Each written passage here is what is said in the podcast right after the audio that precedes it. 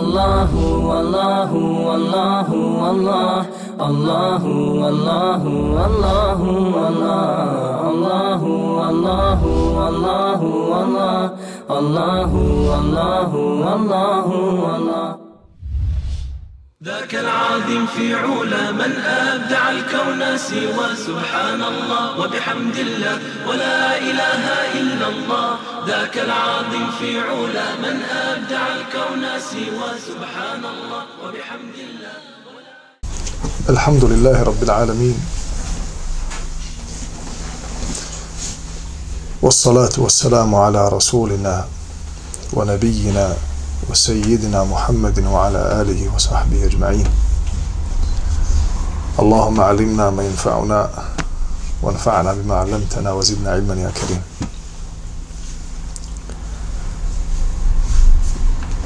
اللهم رب اشرح لي صدري ويسر لي أمري.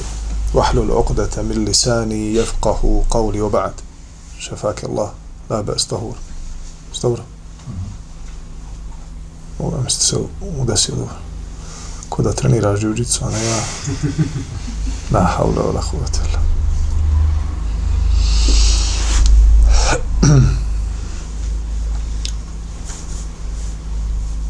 Ibn Abbas je znao reći لو أن جبلا بغى على جبل لدك الباغي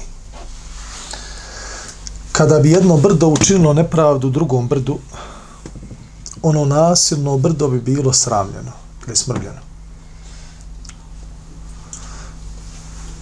Zato što Allah Đerlešanuhu ne trpi nepravdu. I Allah subhanahu wa ta'ala kada uzme nepravednika i kada želi da ga da bude primjer drugima to se vidi golim očima. I to bude javno. Jer je Allah subhanahu wa ta'ala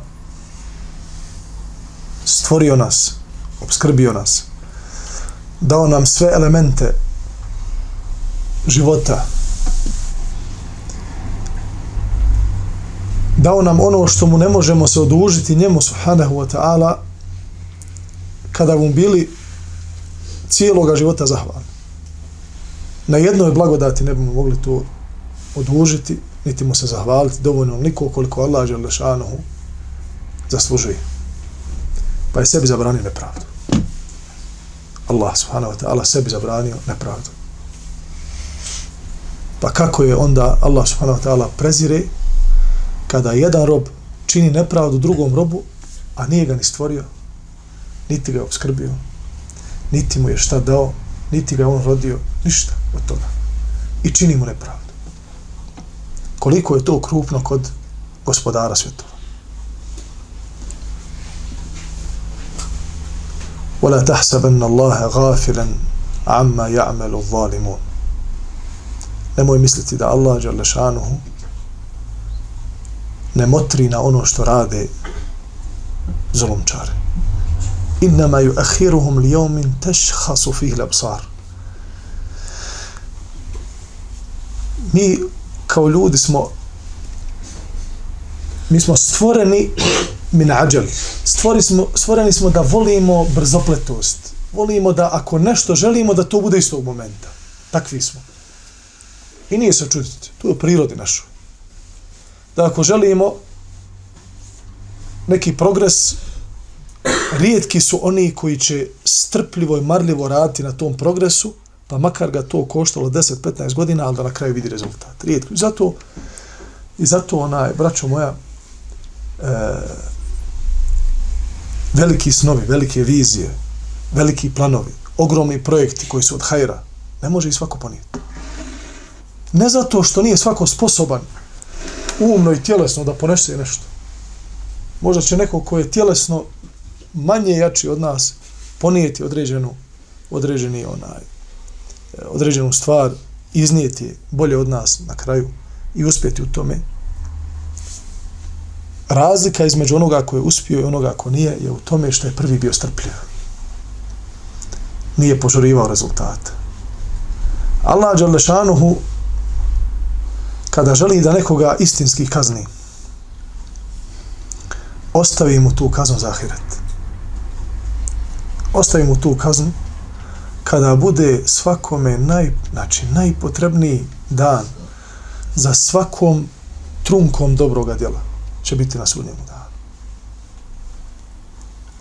Da postoji imalo toga dana samilosti i razumijevanja jedni među drugima bilo bi razumijevanje majke prema njenom detetu da mu dadne makar jedno dobro djelo ni to se neće desiti Allah Đelešanuhu motri nepravednike neke kažnjava na ovome svijetu a nekima odgađa tu kaznu u danu kao što kaže Allah Đelešanuhu kada se ukoče poglede. Kako se ukoče poglede od straha od iznenađenja, od toga, od neočekivanog momenta, kada se ugleda vatra, kada se ugledaju gordi meleci, kada se ugleda pravda koju Allah Đalešanu neće dozvoliti na sudnjemu danu da se pomjeri milimetar. Ni lijevo, ni desno. Samo pravedno. I bit će onako kako hoće pravedni. Ne kako mi hoćemo. Kako hoće pravedni.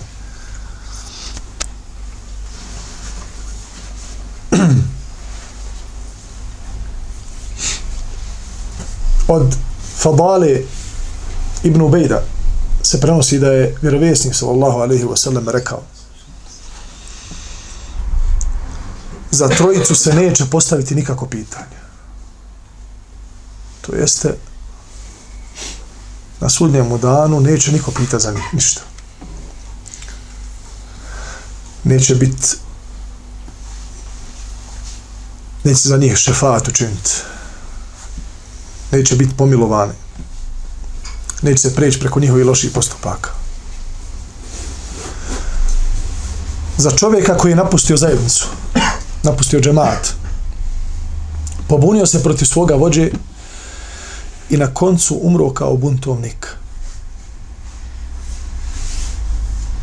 Osoba koja je napustila muslimane, napustila džemat, napustila zajednicu i na taj način svojim osustvom, svojim neprijateljskim stavom oslabila saf muslimana.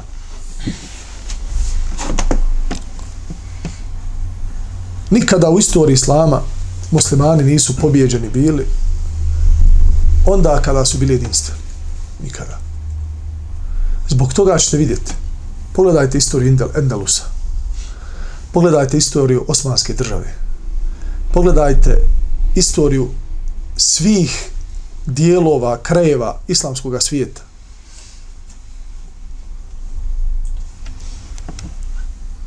Bagdada, Šama, e, Istambula.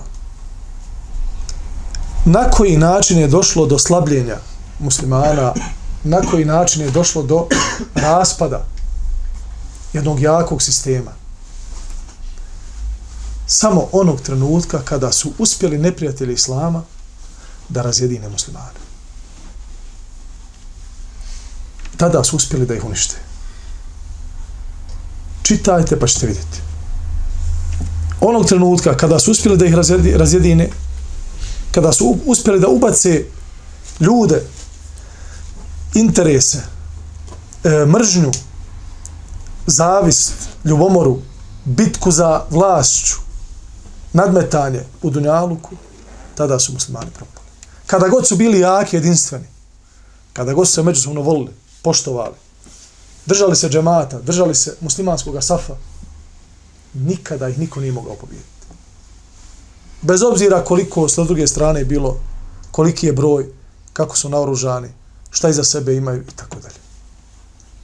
To je veoma bitna lekcija, zbog toga Allah, poslanik sa kaže, neće se pitati ovome čovjeku na sudnjemu danu.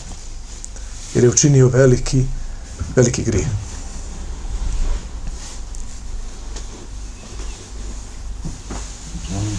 Za roba ili robkinu koji pobjegnu svome vlasniku.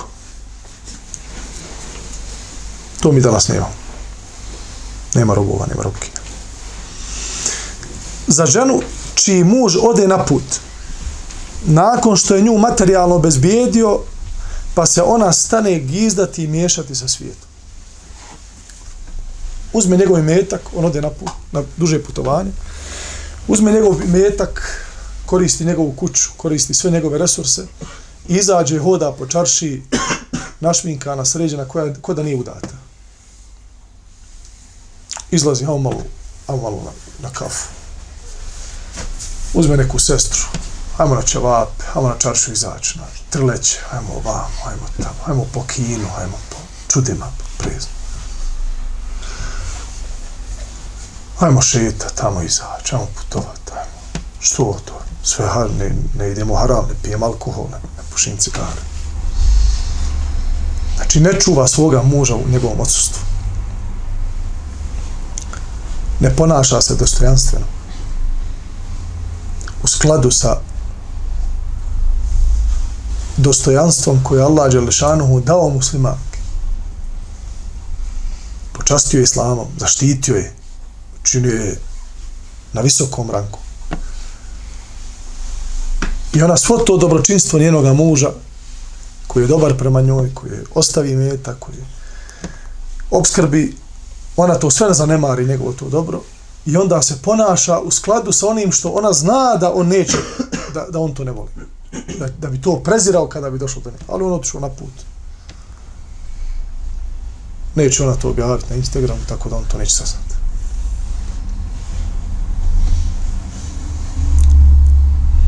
Za trojicu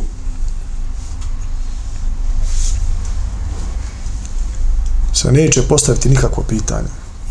Dalje ide hadis. Za čovjeka koji se želi ogrnuti Allahovim plaštom, a njegov plašt je gordost, kibrija. A njegova odjeća je njegov ponos. Čovjek koji je ohol, koji je gord. To se danas u modernoj terminologiji naziva narcistom, čovjekom čiji ego je prešao u oblik božanstva. Odraste se u tome. Roditelji su tome kako krivi. Nakon toga, pogotovo u modernom svijetu društvenih mreža, lajkova, komentara, to sve djeluje da bi taj ego izrasta u nešto što je liči na božanstvo, lažno. Tom čovjeku ne možeš toj ženi ništa reći. On ne mogu nikad pogriješiti. E, u njihovom žargonu riječ izvini, pogriješio sam. To ne postoji. Strana riječ. O, kritiku da, da doživi. Ti si, ti si nacionalni neprijatelj postaješ. Takvoj osobi kad uputiš kritiku, ti si nacionalni neprijatelj, ti si broj jedan neprijatelj. Znači, ne, ne postoji više sredstvo, ni način koje će biti, da kažemo, ono, zabranim za tu osobu da te napadne s tim sredstvom, samo da, šta? Da opravda, ne, ne, nisam ja kriv. Ja sam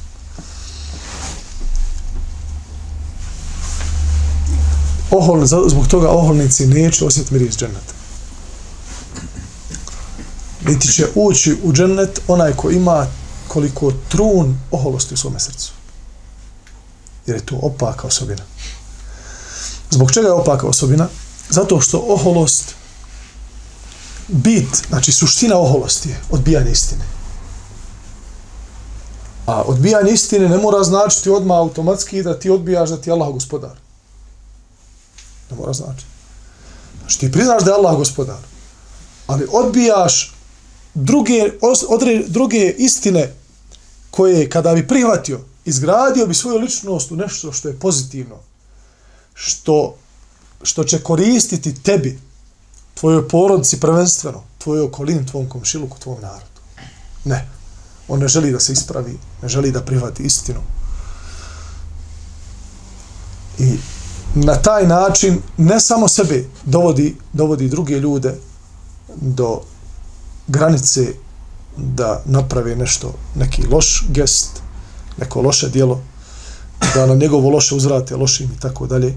Kao što ćemo u narodnom hadisu vidjeti koliko je bitno da čovjek bude u, u, u dobroj sredini sa dobrim društvom, jer u istinu društvo je to koje replicira, replicira dobro ili zlo, koje će se kasnije odrasti na tebe, reflektovati na, na tvoje biće, na tvoj um, na tvoje srce i ti ćeš kasnije postupati onako kako si vidio da postupaju drugi ljudi koji su u tvojoj blizini.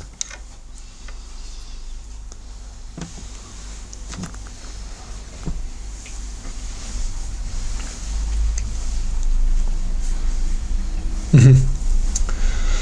Od Muavi ibn Qurra kaže bio sam sa Maqilom al-Muzanijom. I ovaj Maqil je vidio prepreku na putu, da li neki veliki kamen na putu ili neko drvo, neku prepreku, pa je uzeo i sklonio je. Ne za, ne za, ne, nedugo zatim, kaže Muavija, pa sam i ja vidio također jednu prepreku na putu pa sam pohitao da je uklonim. Zašto je pohitao da je uklonim? Da je pretekao makila, da je on uradi dobro djelo. Pa mu se ovaj obratio, kaže, šta te na to potaklo, bratiću? Vidjeh, kaže Moavija, kaže, vidjeh da si i ti nešto slično uradio, pa sam i ja htio da uradim isto. Kaže ovaj njemu, kaže, lijepo, moj bratiću, čuo sam vjerovjesnika, sallallahu alaihi wasallam, kada je rekao, ko muslimanima s puta otkloni prepreku, bit će mu upisano jedno dobro djelo. A kome se primi jedno dobro djelo, ući će u džennet. Zato je često uh, Omer radijallahu anhu znao, reći kada bi znao da, da će mi Allah Đelešanu i da mi Allah ukabulio dva rekiata na file namaza, bio bi najsretniji čovjek na svijetu. Jer kome Allah Đelešanu kabuli dobra djela, Šalav ta'ala, taj čovjek je od dženetlija. Ovaj, ovaj primjer je Imam Buharija naveo iz razloga da razmislimo koliko je bitno koliko je bitno, ja sam to spominjao jedno, koliko je bitno da e, okolina, društvo, budu ljudi koji su progresivni.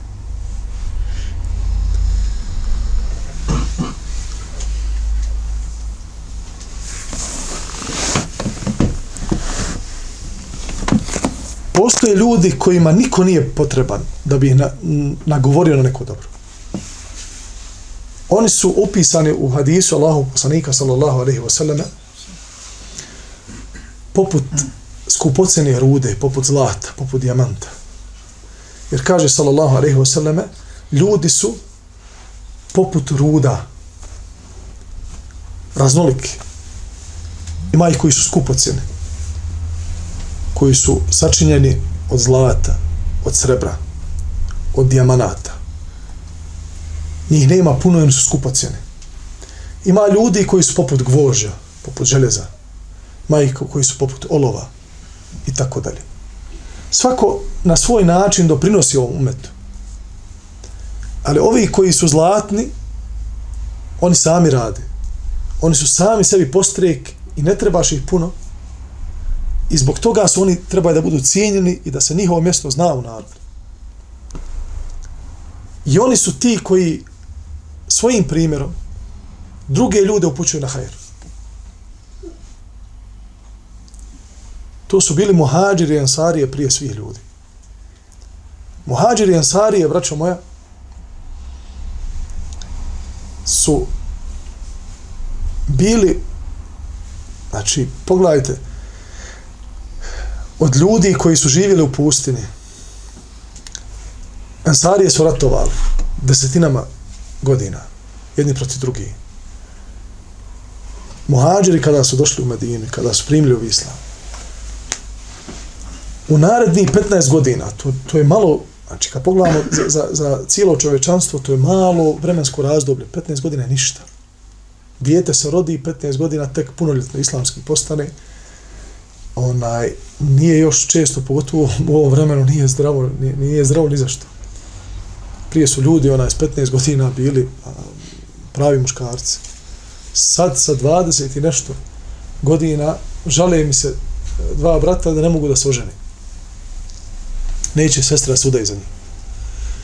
Koliko ti imaš, brate, godina, kaže 22. Koliko ti ima 23? Lijepi momci, fini, nema šta. Kako reko, nema se stara da se oženi? Kaže, Boga mi nema. Znaš ti šta je, kaže, razlog, pitao mene.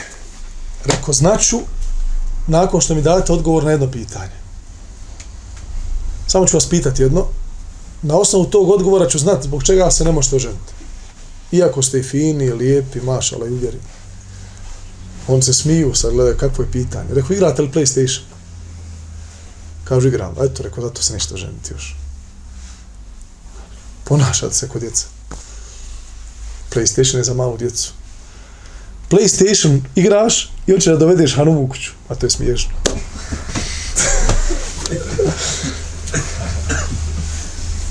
Žena hoće kad ti ideš pored nje da si ti karizma. I to je, naj, to je najljepša osobina ko žene. Jedna od najljepših osobina ko žene je da smatra svoga muža da je najučeniji, najjači, najpametniji, najljepši, najzgodniji. Imate toga. Imate žena, vjernica koja zaljube u svog čovjeka, uda se za njega, a moraš ti malo i pomoć. Ne možeš ti PlayStation čitav dan, ona kao maš, ali mom mogu. Dobar je ovaj moj, to je. On kad ide gradom, to sve treperi, onaj struja prolazi kroz čaršiju. ne može struja prolazi. On vam već prolazi treći level.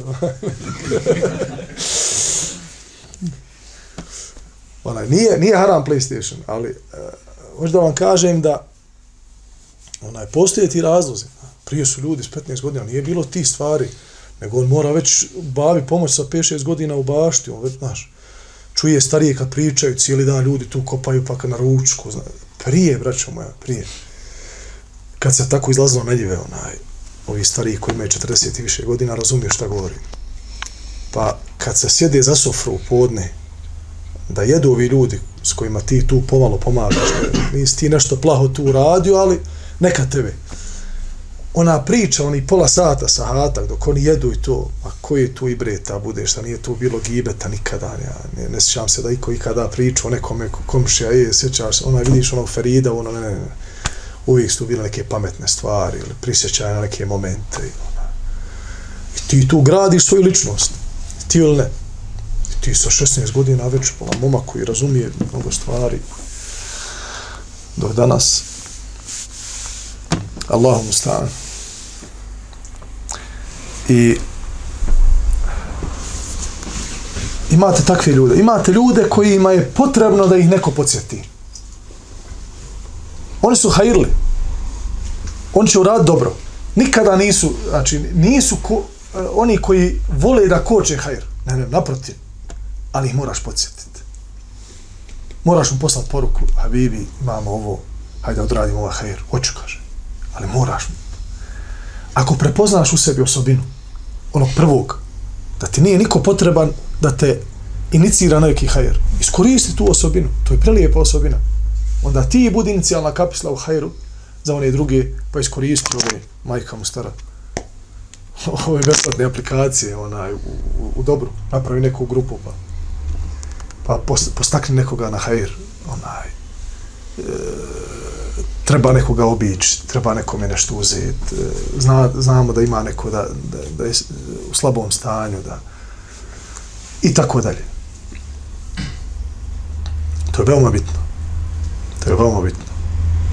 Jer bez toga, bez dobrih dijela, znači čovjek mora nešto raditi, on mora svoja, svoja prsa i svoje srce nečim napuniti. Ako je napuni hajrom, uposlit ga duša da napuni šarrom. Ne može ostati prazno. Znači, ovo je jedna posuda koja želi da se napuni. Ako se napuni dobrom, napun će se zlom.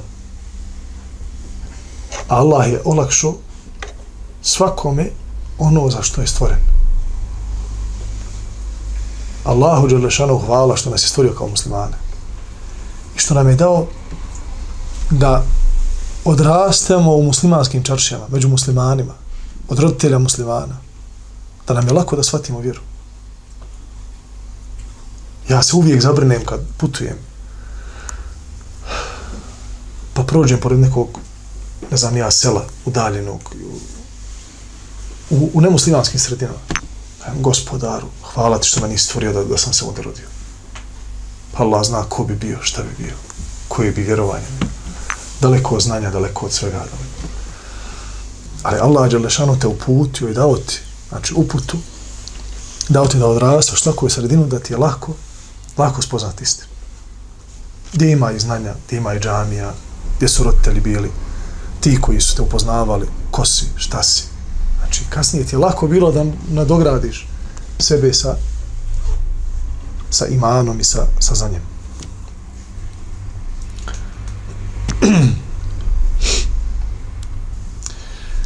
Poglavlje prihvatanje darova. Prihvatanje darova. Od Ebu Horeire, radijallahu anhu, da je sallallahu alaihi wa sallam rekao, prenosi se, poklanjajte jedni drugima darove, zavoljet će se. Zavoljet ćete se. Znači, poklanjanje darova rezultira ljubavi. Ne postoji brža metoda da nekoga zavoliš da te neko zavoli od međusobnog poklanjanja. Jer međusobno poklanjanje je jedan veliki, pozitivni e, pokazatelj da si ti misli o toj osobi. Da joj poklanjaš pažnju, da je poštuješ, da je voliš i da ti je draga.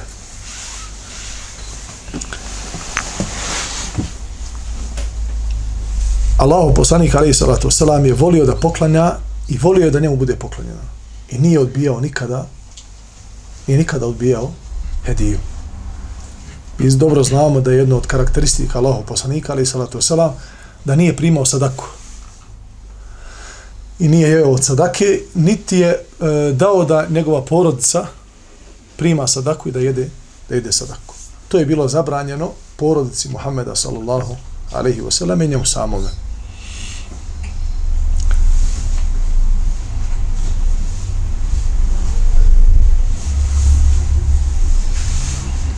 Od Enesa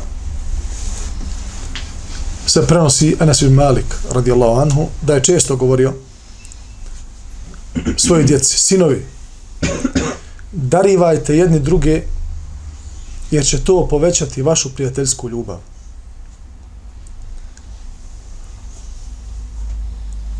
Nije dovoljno, pogledajte ove hadise. Kome Allah, poslanik sallallahu alaihi wa sallam, govori tahadu, tahabu, ashabima, Može li se razumjeti iz ovoga da nije dovoljno da samo budemo mi svi kao jedan kolektiv muslimani i da to automatski proizvede, proizvede međusobnu ljubav. Znači da postoje određeni drugi faktori. Mimo toga što si ti musliman, što sam ja musliman. Ok, ja te, ja te volim, ja te poštijem i uvažavam, ti smo moj brat musliman. Klanjamo zajedno, postimo na hađu, na umri, učimo Kur'an, Allahu poslanik alejhi salatu vesselam nas upućuje na određene karakteristike, na određene faktore, neka dijela posebna koja grade pravu ljubav, koja će biti dovoljna da sutra ne na kik, ne na svadbi, nekad nešto dobijemo zajedno pa trebamo podijeliti, nego u belaju, u iskušenju, u neimašnji, da bude dovoljna da ostanemo jaka karika međusobno i da se potpomognemo. Jer je lakše kad 20, 30, 40 ljudi u zajednici žive i pomažu jedni drugi. Mnogo je lakše nego kad jedan ili dvojica ili samo jedan ostane i snalazi se za život. Braćo moja, znači, iskustvo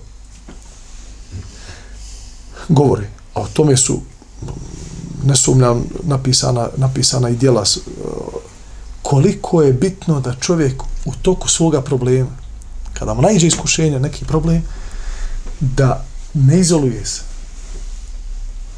Da se ne osami nego da ide u džemat. Da ide među braću muslimane. I da će možda ta isti problem nestat. I gorčina tog problema i teškoća koji on osjeti na svojim plećima, u svojim prsima, da će nesta samo zbog toga što je sjeo s braćom muslimana, poselamio se, ispričao se sa njima, da vidi da, da Dunjaluk nije toliko crn koliko se njemu pri, pričinjava u tom trenutku.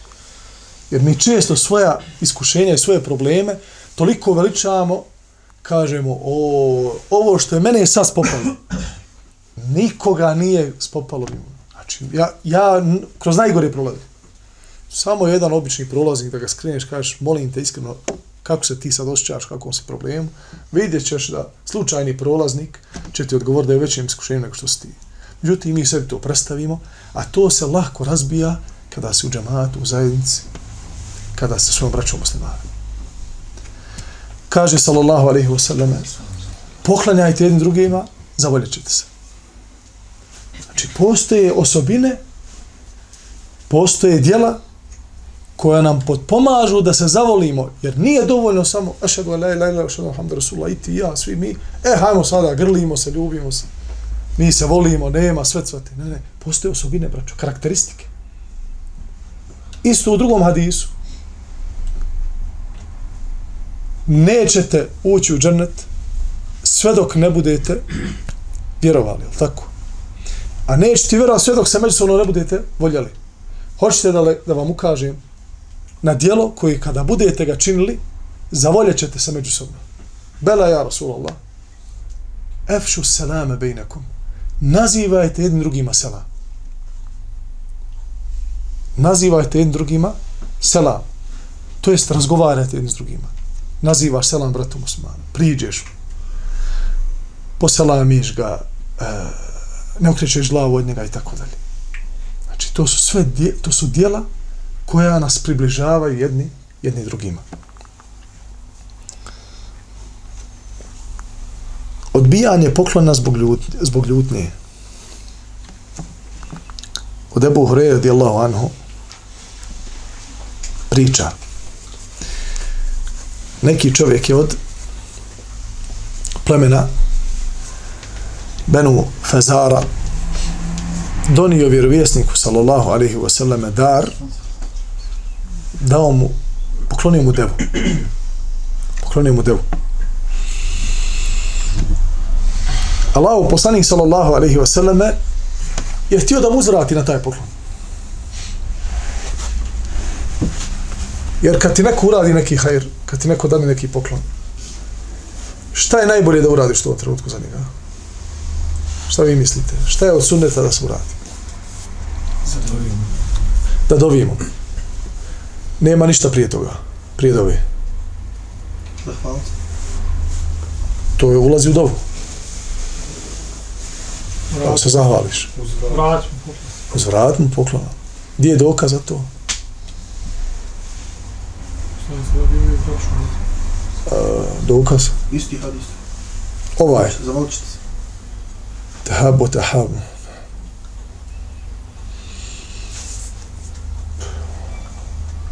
Kaži meni Ne. Ne, tahadu, tahabu. Ovde u, na bosanskom, kad se prevede, malo je poklanjajte jedni drugima, zavoljet ćete se. Ovde ne, mora se među ona jednim drugima mora se prevesti, ali u, u arapskom jeziku nema, nema taj kontekst. Ne, ne, kuranski ajte dokaz. Hel jaza'u li ihsani illa li ihsan, sura Rahman. Nagrada za dobročinstvo je dobročinstvo. Neko ti nešto pokloni, kaže ne valja poklanjati, kaže ono kao protusluga. Nije to protusluga, vrate moj. Učiniš i ti njemu dobro djelo, takmičite se. Kao što on tebi čini dobro djelo. Pa Allah poslani, sallallahu alejhi ve sellem u tom trenutku kada mu je ovaj poklonio nije imao nešto nešto puno vrijedno. Imao neku skromnu stvar koju mu je dao. Pa se ovaj naljutio. Ja tebi deo, znaš, ja tebi Mercedesa, ti meni miris onaj spijaci od dvije marke, onaj dual džemne, ja kad ga čujem, ja moram pobjeći s prvog safa. On se čuje, braćo, na pet safova, znači, probija kroz je. I on mene udari ovdje u slepočice i prođem prema, preko, preko ovog malog mozga ovdje. Jer postoje ovi, od, od Marko dvije ovi mirisi, braćo moja, koji nije, nije on, nema karakteristike mirisa. Znači, on ubija. Svi primijete da je taj vrat ušao u džamiju. Ima jedna anegdota iza rata. Tek došao na crveni misk. I ovaj jedan insan imao je onaj problema sa sinusima. Non stop imao začepljen ovaj nos. I on ne osjeti ništa. Njemu je rekao, rekao da je to prelijepog mirisa, taj naš miris. I on je to bukvalno shvatio. Sve što više stavi na sebe, sve će ljepše mirisati. A u svemu je Allah dao, treba mjeru imati. Ja mislim da je ovaj pola bočice na sebi istresu. I došlo kod nekog dede, da li dede ovaj bio osjetljiv, šta je, da klanja u safu, valja farze ono, kako je ušao u saf i zanijetli obojica, dedo nije tio prekine namaz. Jedva on otklanjava bi. Kad je predao selam, dedo je skočio kod da na federima, dva safa unazad. Pobjeg od njega. Kao ovaj, bra, šta ovaj bježi kada je pun džina? Nije on pun džina, habibi, po, po mirisa stit, istreso na sebe. Čovjek ne može da diše. Znaš, ovaj imao začepljeni sinuse, boli njega briga.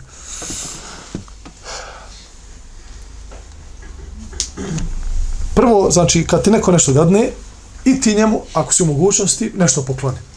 Ako nisi u mogućnosti, kažeš mu, džazake Allahu hajran, Allah te nagradio, na taj način si mu se odužio, kao što je došlo vjerodostojno od poslanika, sallallahu alaihi wa. Ovaj se naljutio. Zatim se poslanik sallallahu alejhi ve sellem propio na minberu i rekao: Pojedini se ljute kada im za njihov poklon dadnem ono što imam. Tako mi Allaha ove godine ni od jednog arapskog plemena neću prihvati poklone osim od Kurejšija, Ensarija, Benu Saqaf i Deusa. Pošto je znao sallallahu alejhi ve sallame, znao za uh, E, jer su Allahom poslaniku alaihi sallatu sallam, dolazili razne, razna plemena iz pustinje, beduini, koji nisu imali a, nisu imali onaj bonton koji su imali nabrojana plemena. Bilo je plemena koje, braćo moja, ne miješaju se s ostalim ljudima, godina, ljudima godinama. Imaju svoje, svoja pravila, ponašanja, hodaju, znači kako gdje se pojavi oaza, oni se tu nasele, imaju svoje deve, jedu, piju, žene se i to je to. I oni kad dođu u, u Medinu, dosta hadisa ima na tu temu, kada su dolazili takvi ljudi kod Allahov poslanika, ali sad, kako se ponašaju? Obradim se sam. Hm? Obradim se sam. Onaj, e, nisu, nisu prezavni, nije šta, nemaju, znači, nemaju edeba, nemaju. Onda su to često ljudi koji nemaju nećemo to nazvat politikom, ali nemaju mudrosti u svom, svom obraćanju s ljudima. Što je na umu, to je na drumu, kao što naš narod kaže. On tebi sasjeće, pa ti gleda otkle vedro. Allah ovo poslanič ovako je. Znači, ashabi su prezali. I onda ima tamo poznate onaj, da bi se ashabi znali obradovati takvim ljudima iz jednog razloga zato što su ashabi, muhađiri, ansarije stidili Allahov poslanika, ali i sallatu wasalam, da budu otvoreni prema njemu, da ga pitaju nekim pojedinostima u islamu. Iz edeba prema njemu. Dok ovi ljudi dođu i odmah sjedu, o Muhammede, reci nam ovo mi, reci nam ono. Da ga počne ispitivati, Allah poslanik bi odgovarao, pa bi to slušali ashabi, to je i muhađiri, i to bi to bi ih veselilo.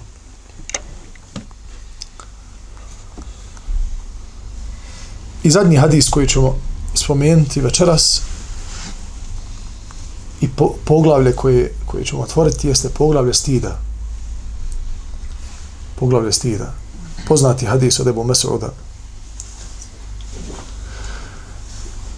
Da je rekao, rekao Allah poslanih sallallahu alaihi wa sallama inna mimma adraka nasu min kalami nubuvati l'ula ono što su se generacijama, što je se generacijama prenosilo od vjerovjesnika, prvi vjerovjesnika, poruke jeste i dalem te stahi fasna ma šit. Ako se ne stidiš, radi što hoćeš. Ako se ne stidiš, radi šta hoćeš. Stid je štit od mnogih rušnih osobina. Stid je, braćo moja, odbrambeni sistem nije hrabar i nije pametan i nije učen onaj čovjek koji šta god mu na um padne, on to progovori. To nije hrabro. Znači, musliman ne govori svašta. Musliman se takako stidi da, da, da kaže neke stvari koje čak mogu biti istina. Pa se stidi zbog svoga stida, ustručava se da kaže i nikad se niko nije pokajao zato što je nešto prešutio. I okrenuo glavu i radio svoj posao. Često se ljudi počešu po glavi, kažu, uh, da Bog da nisam tog i tog, tog dana progovorio. Što sam trebao da, da kažem ovo, što mi je trebalo.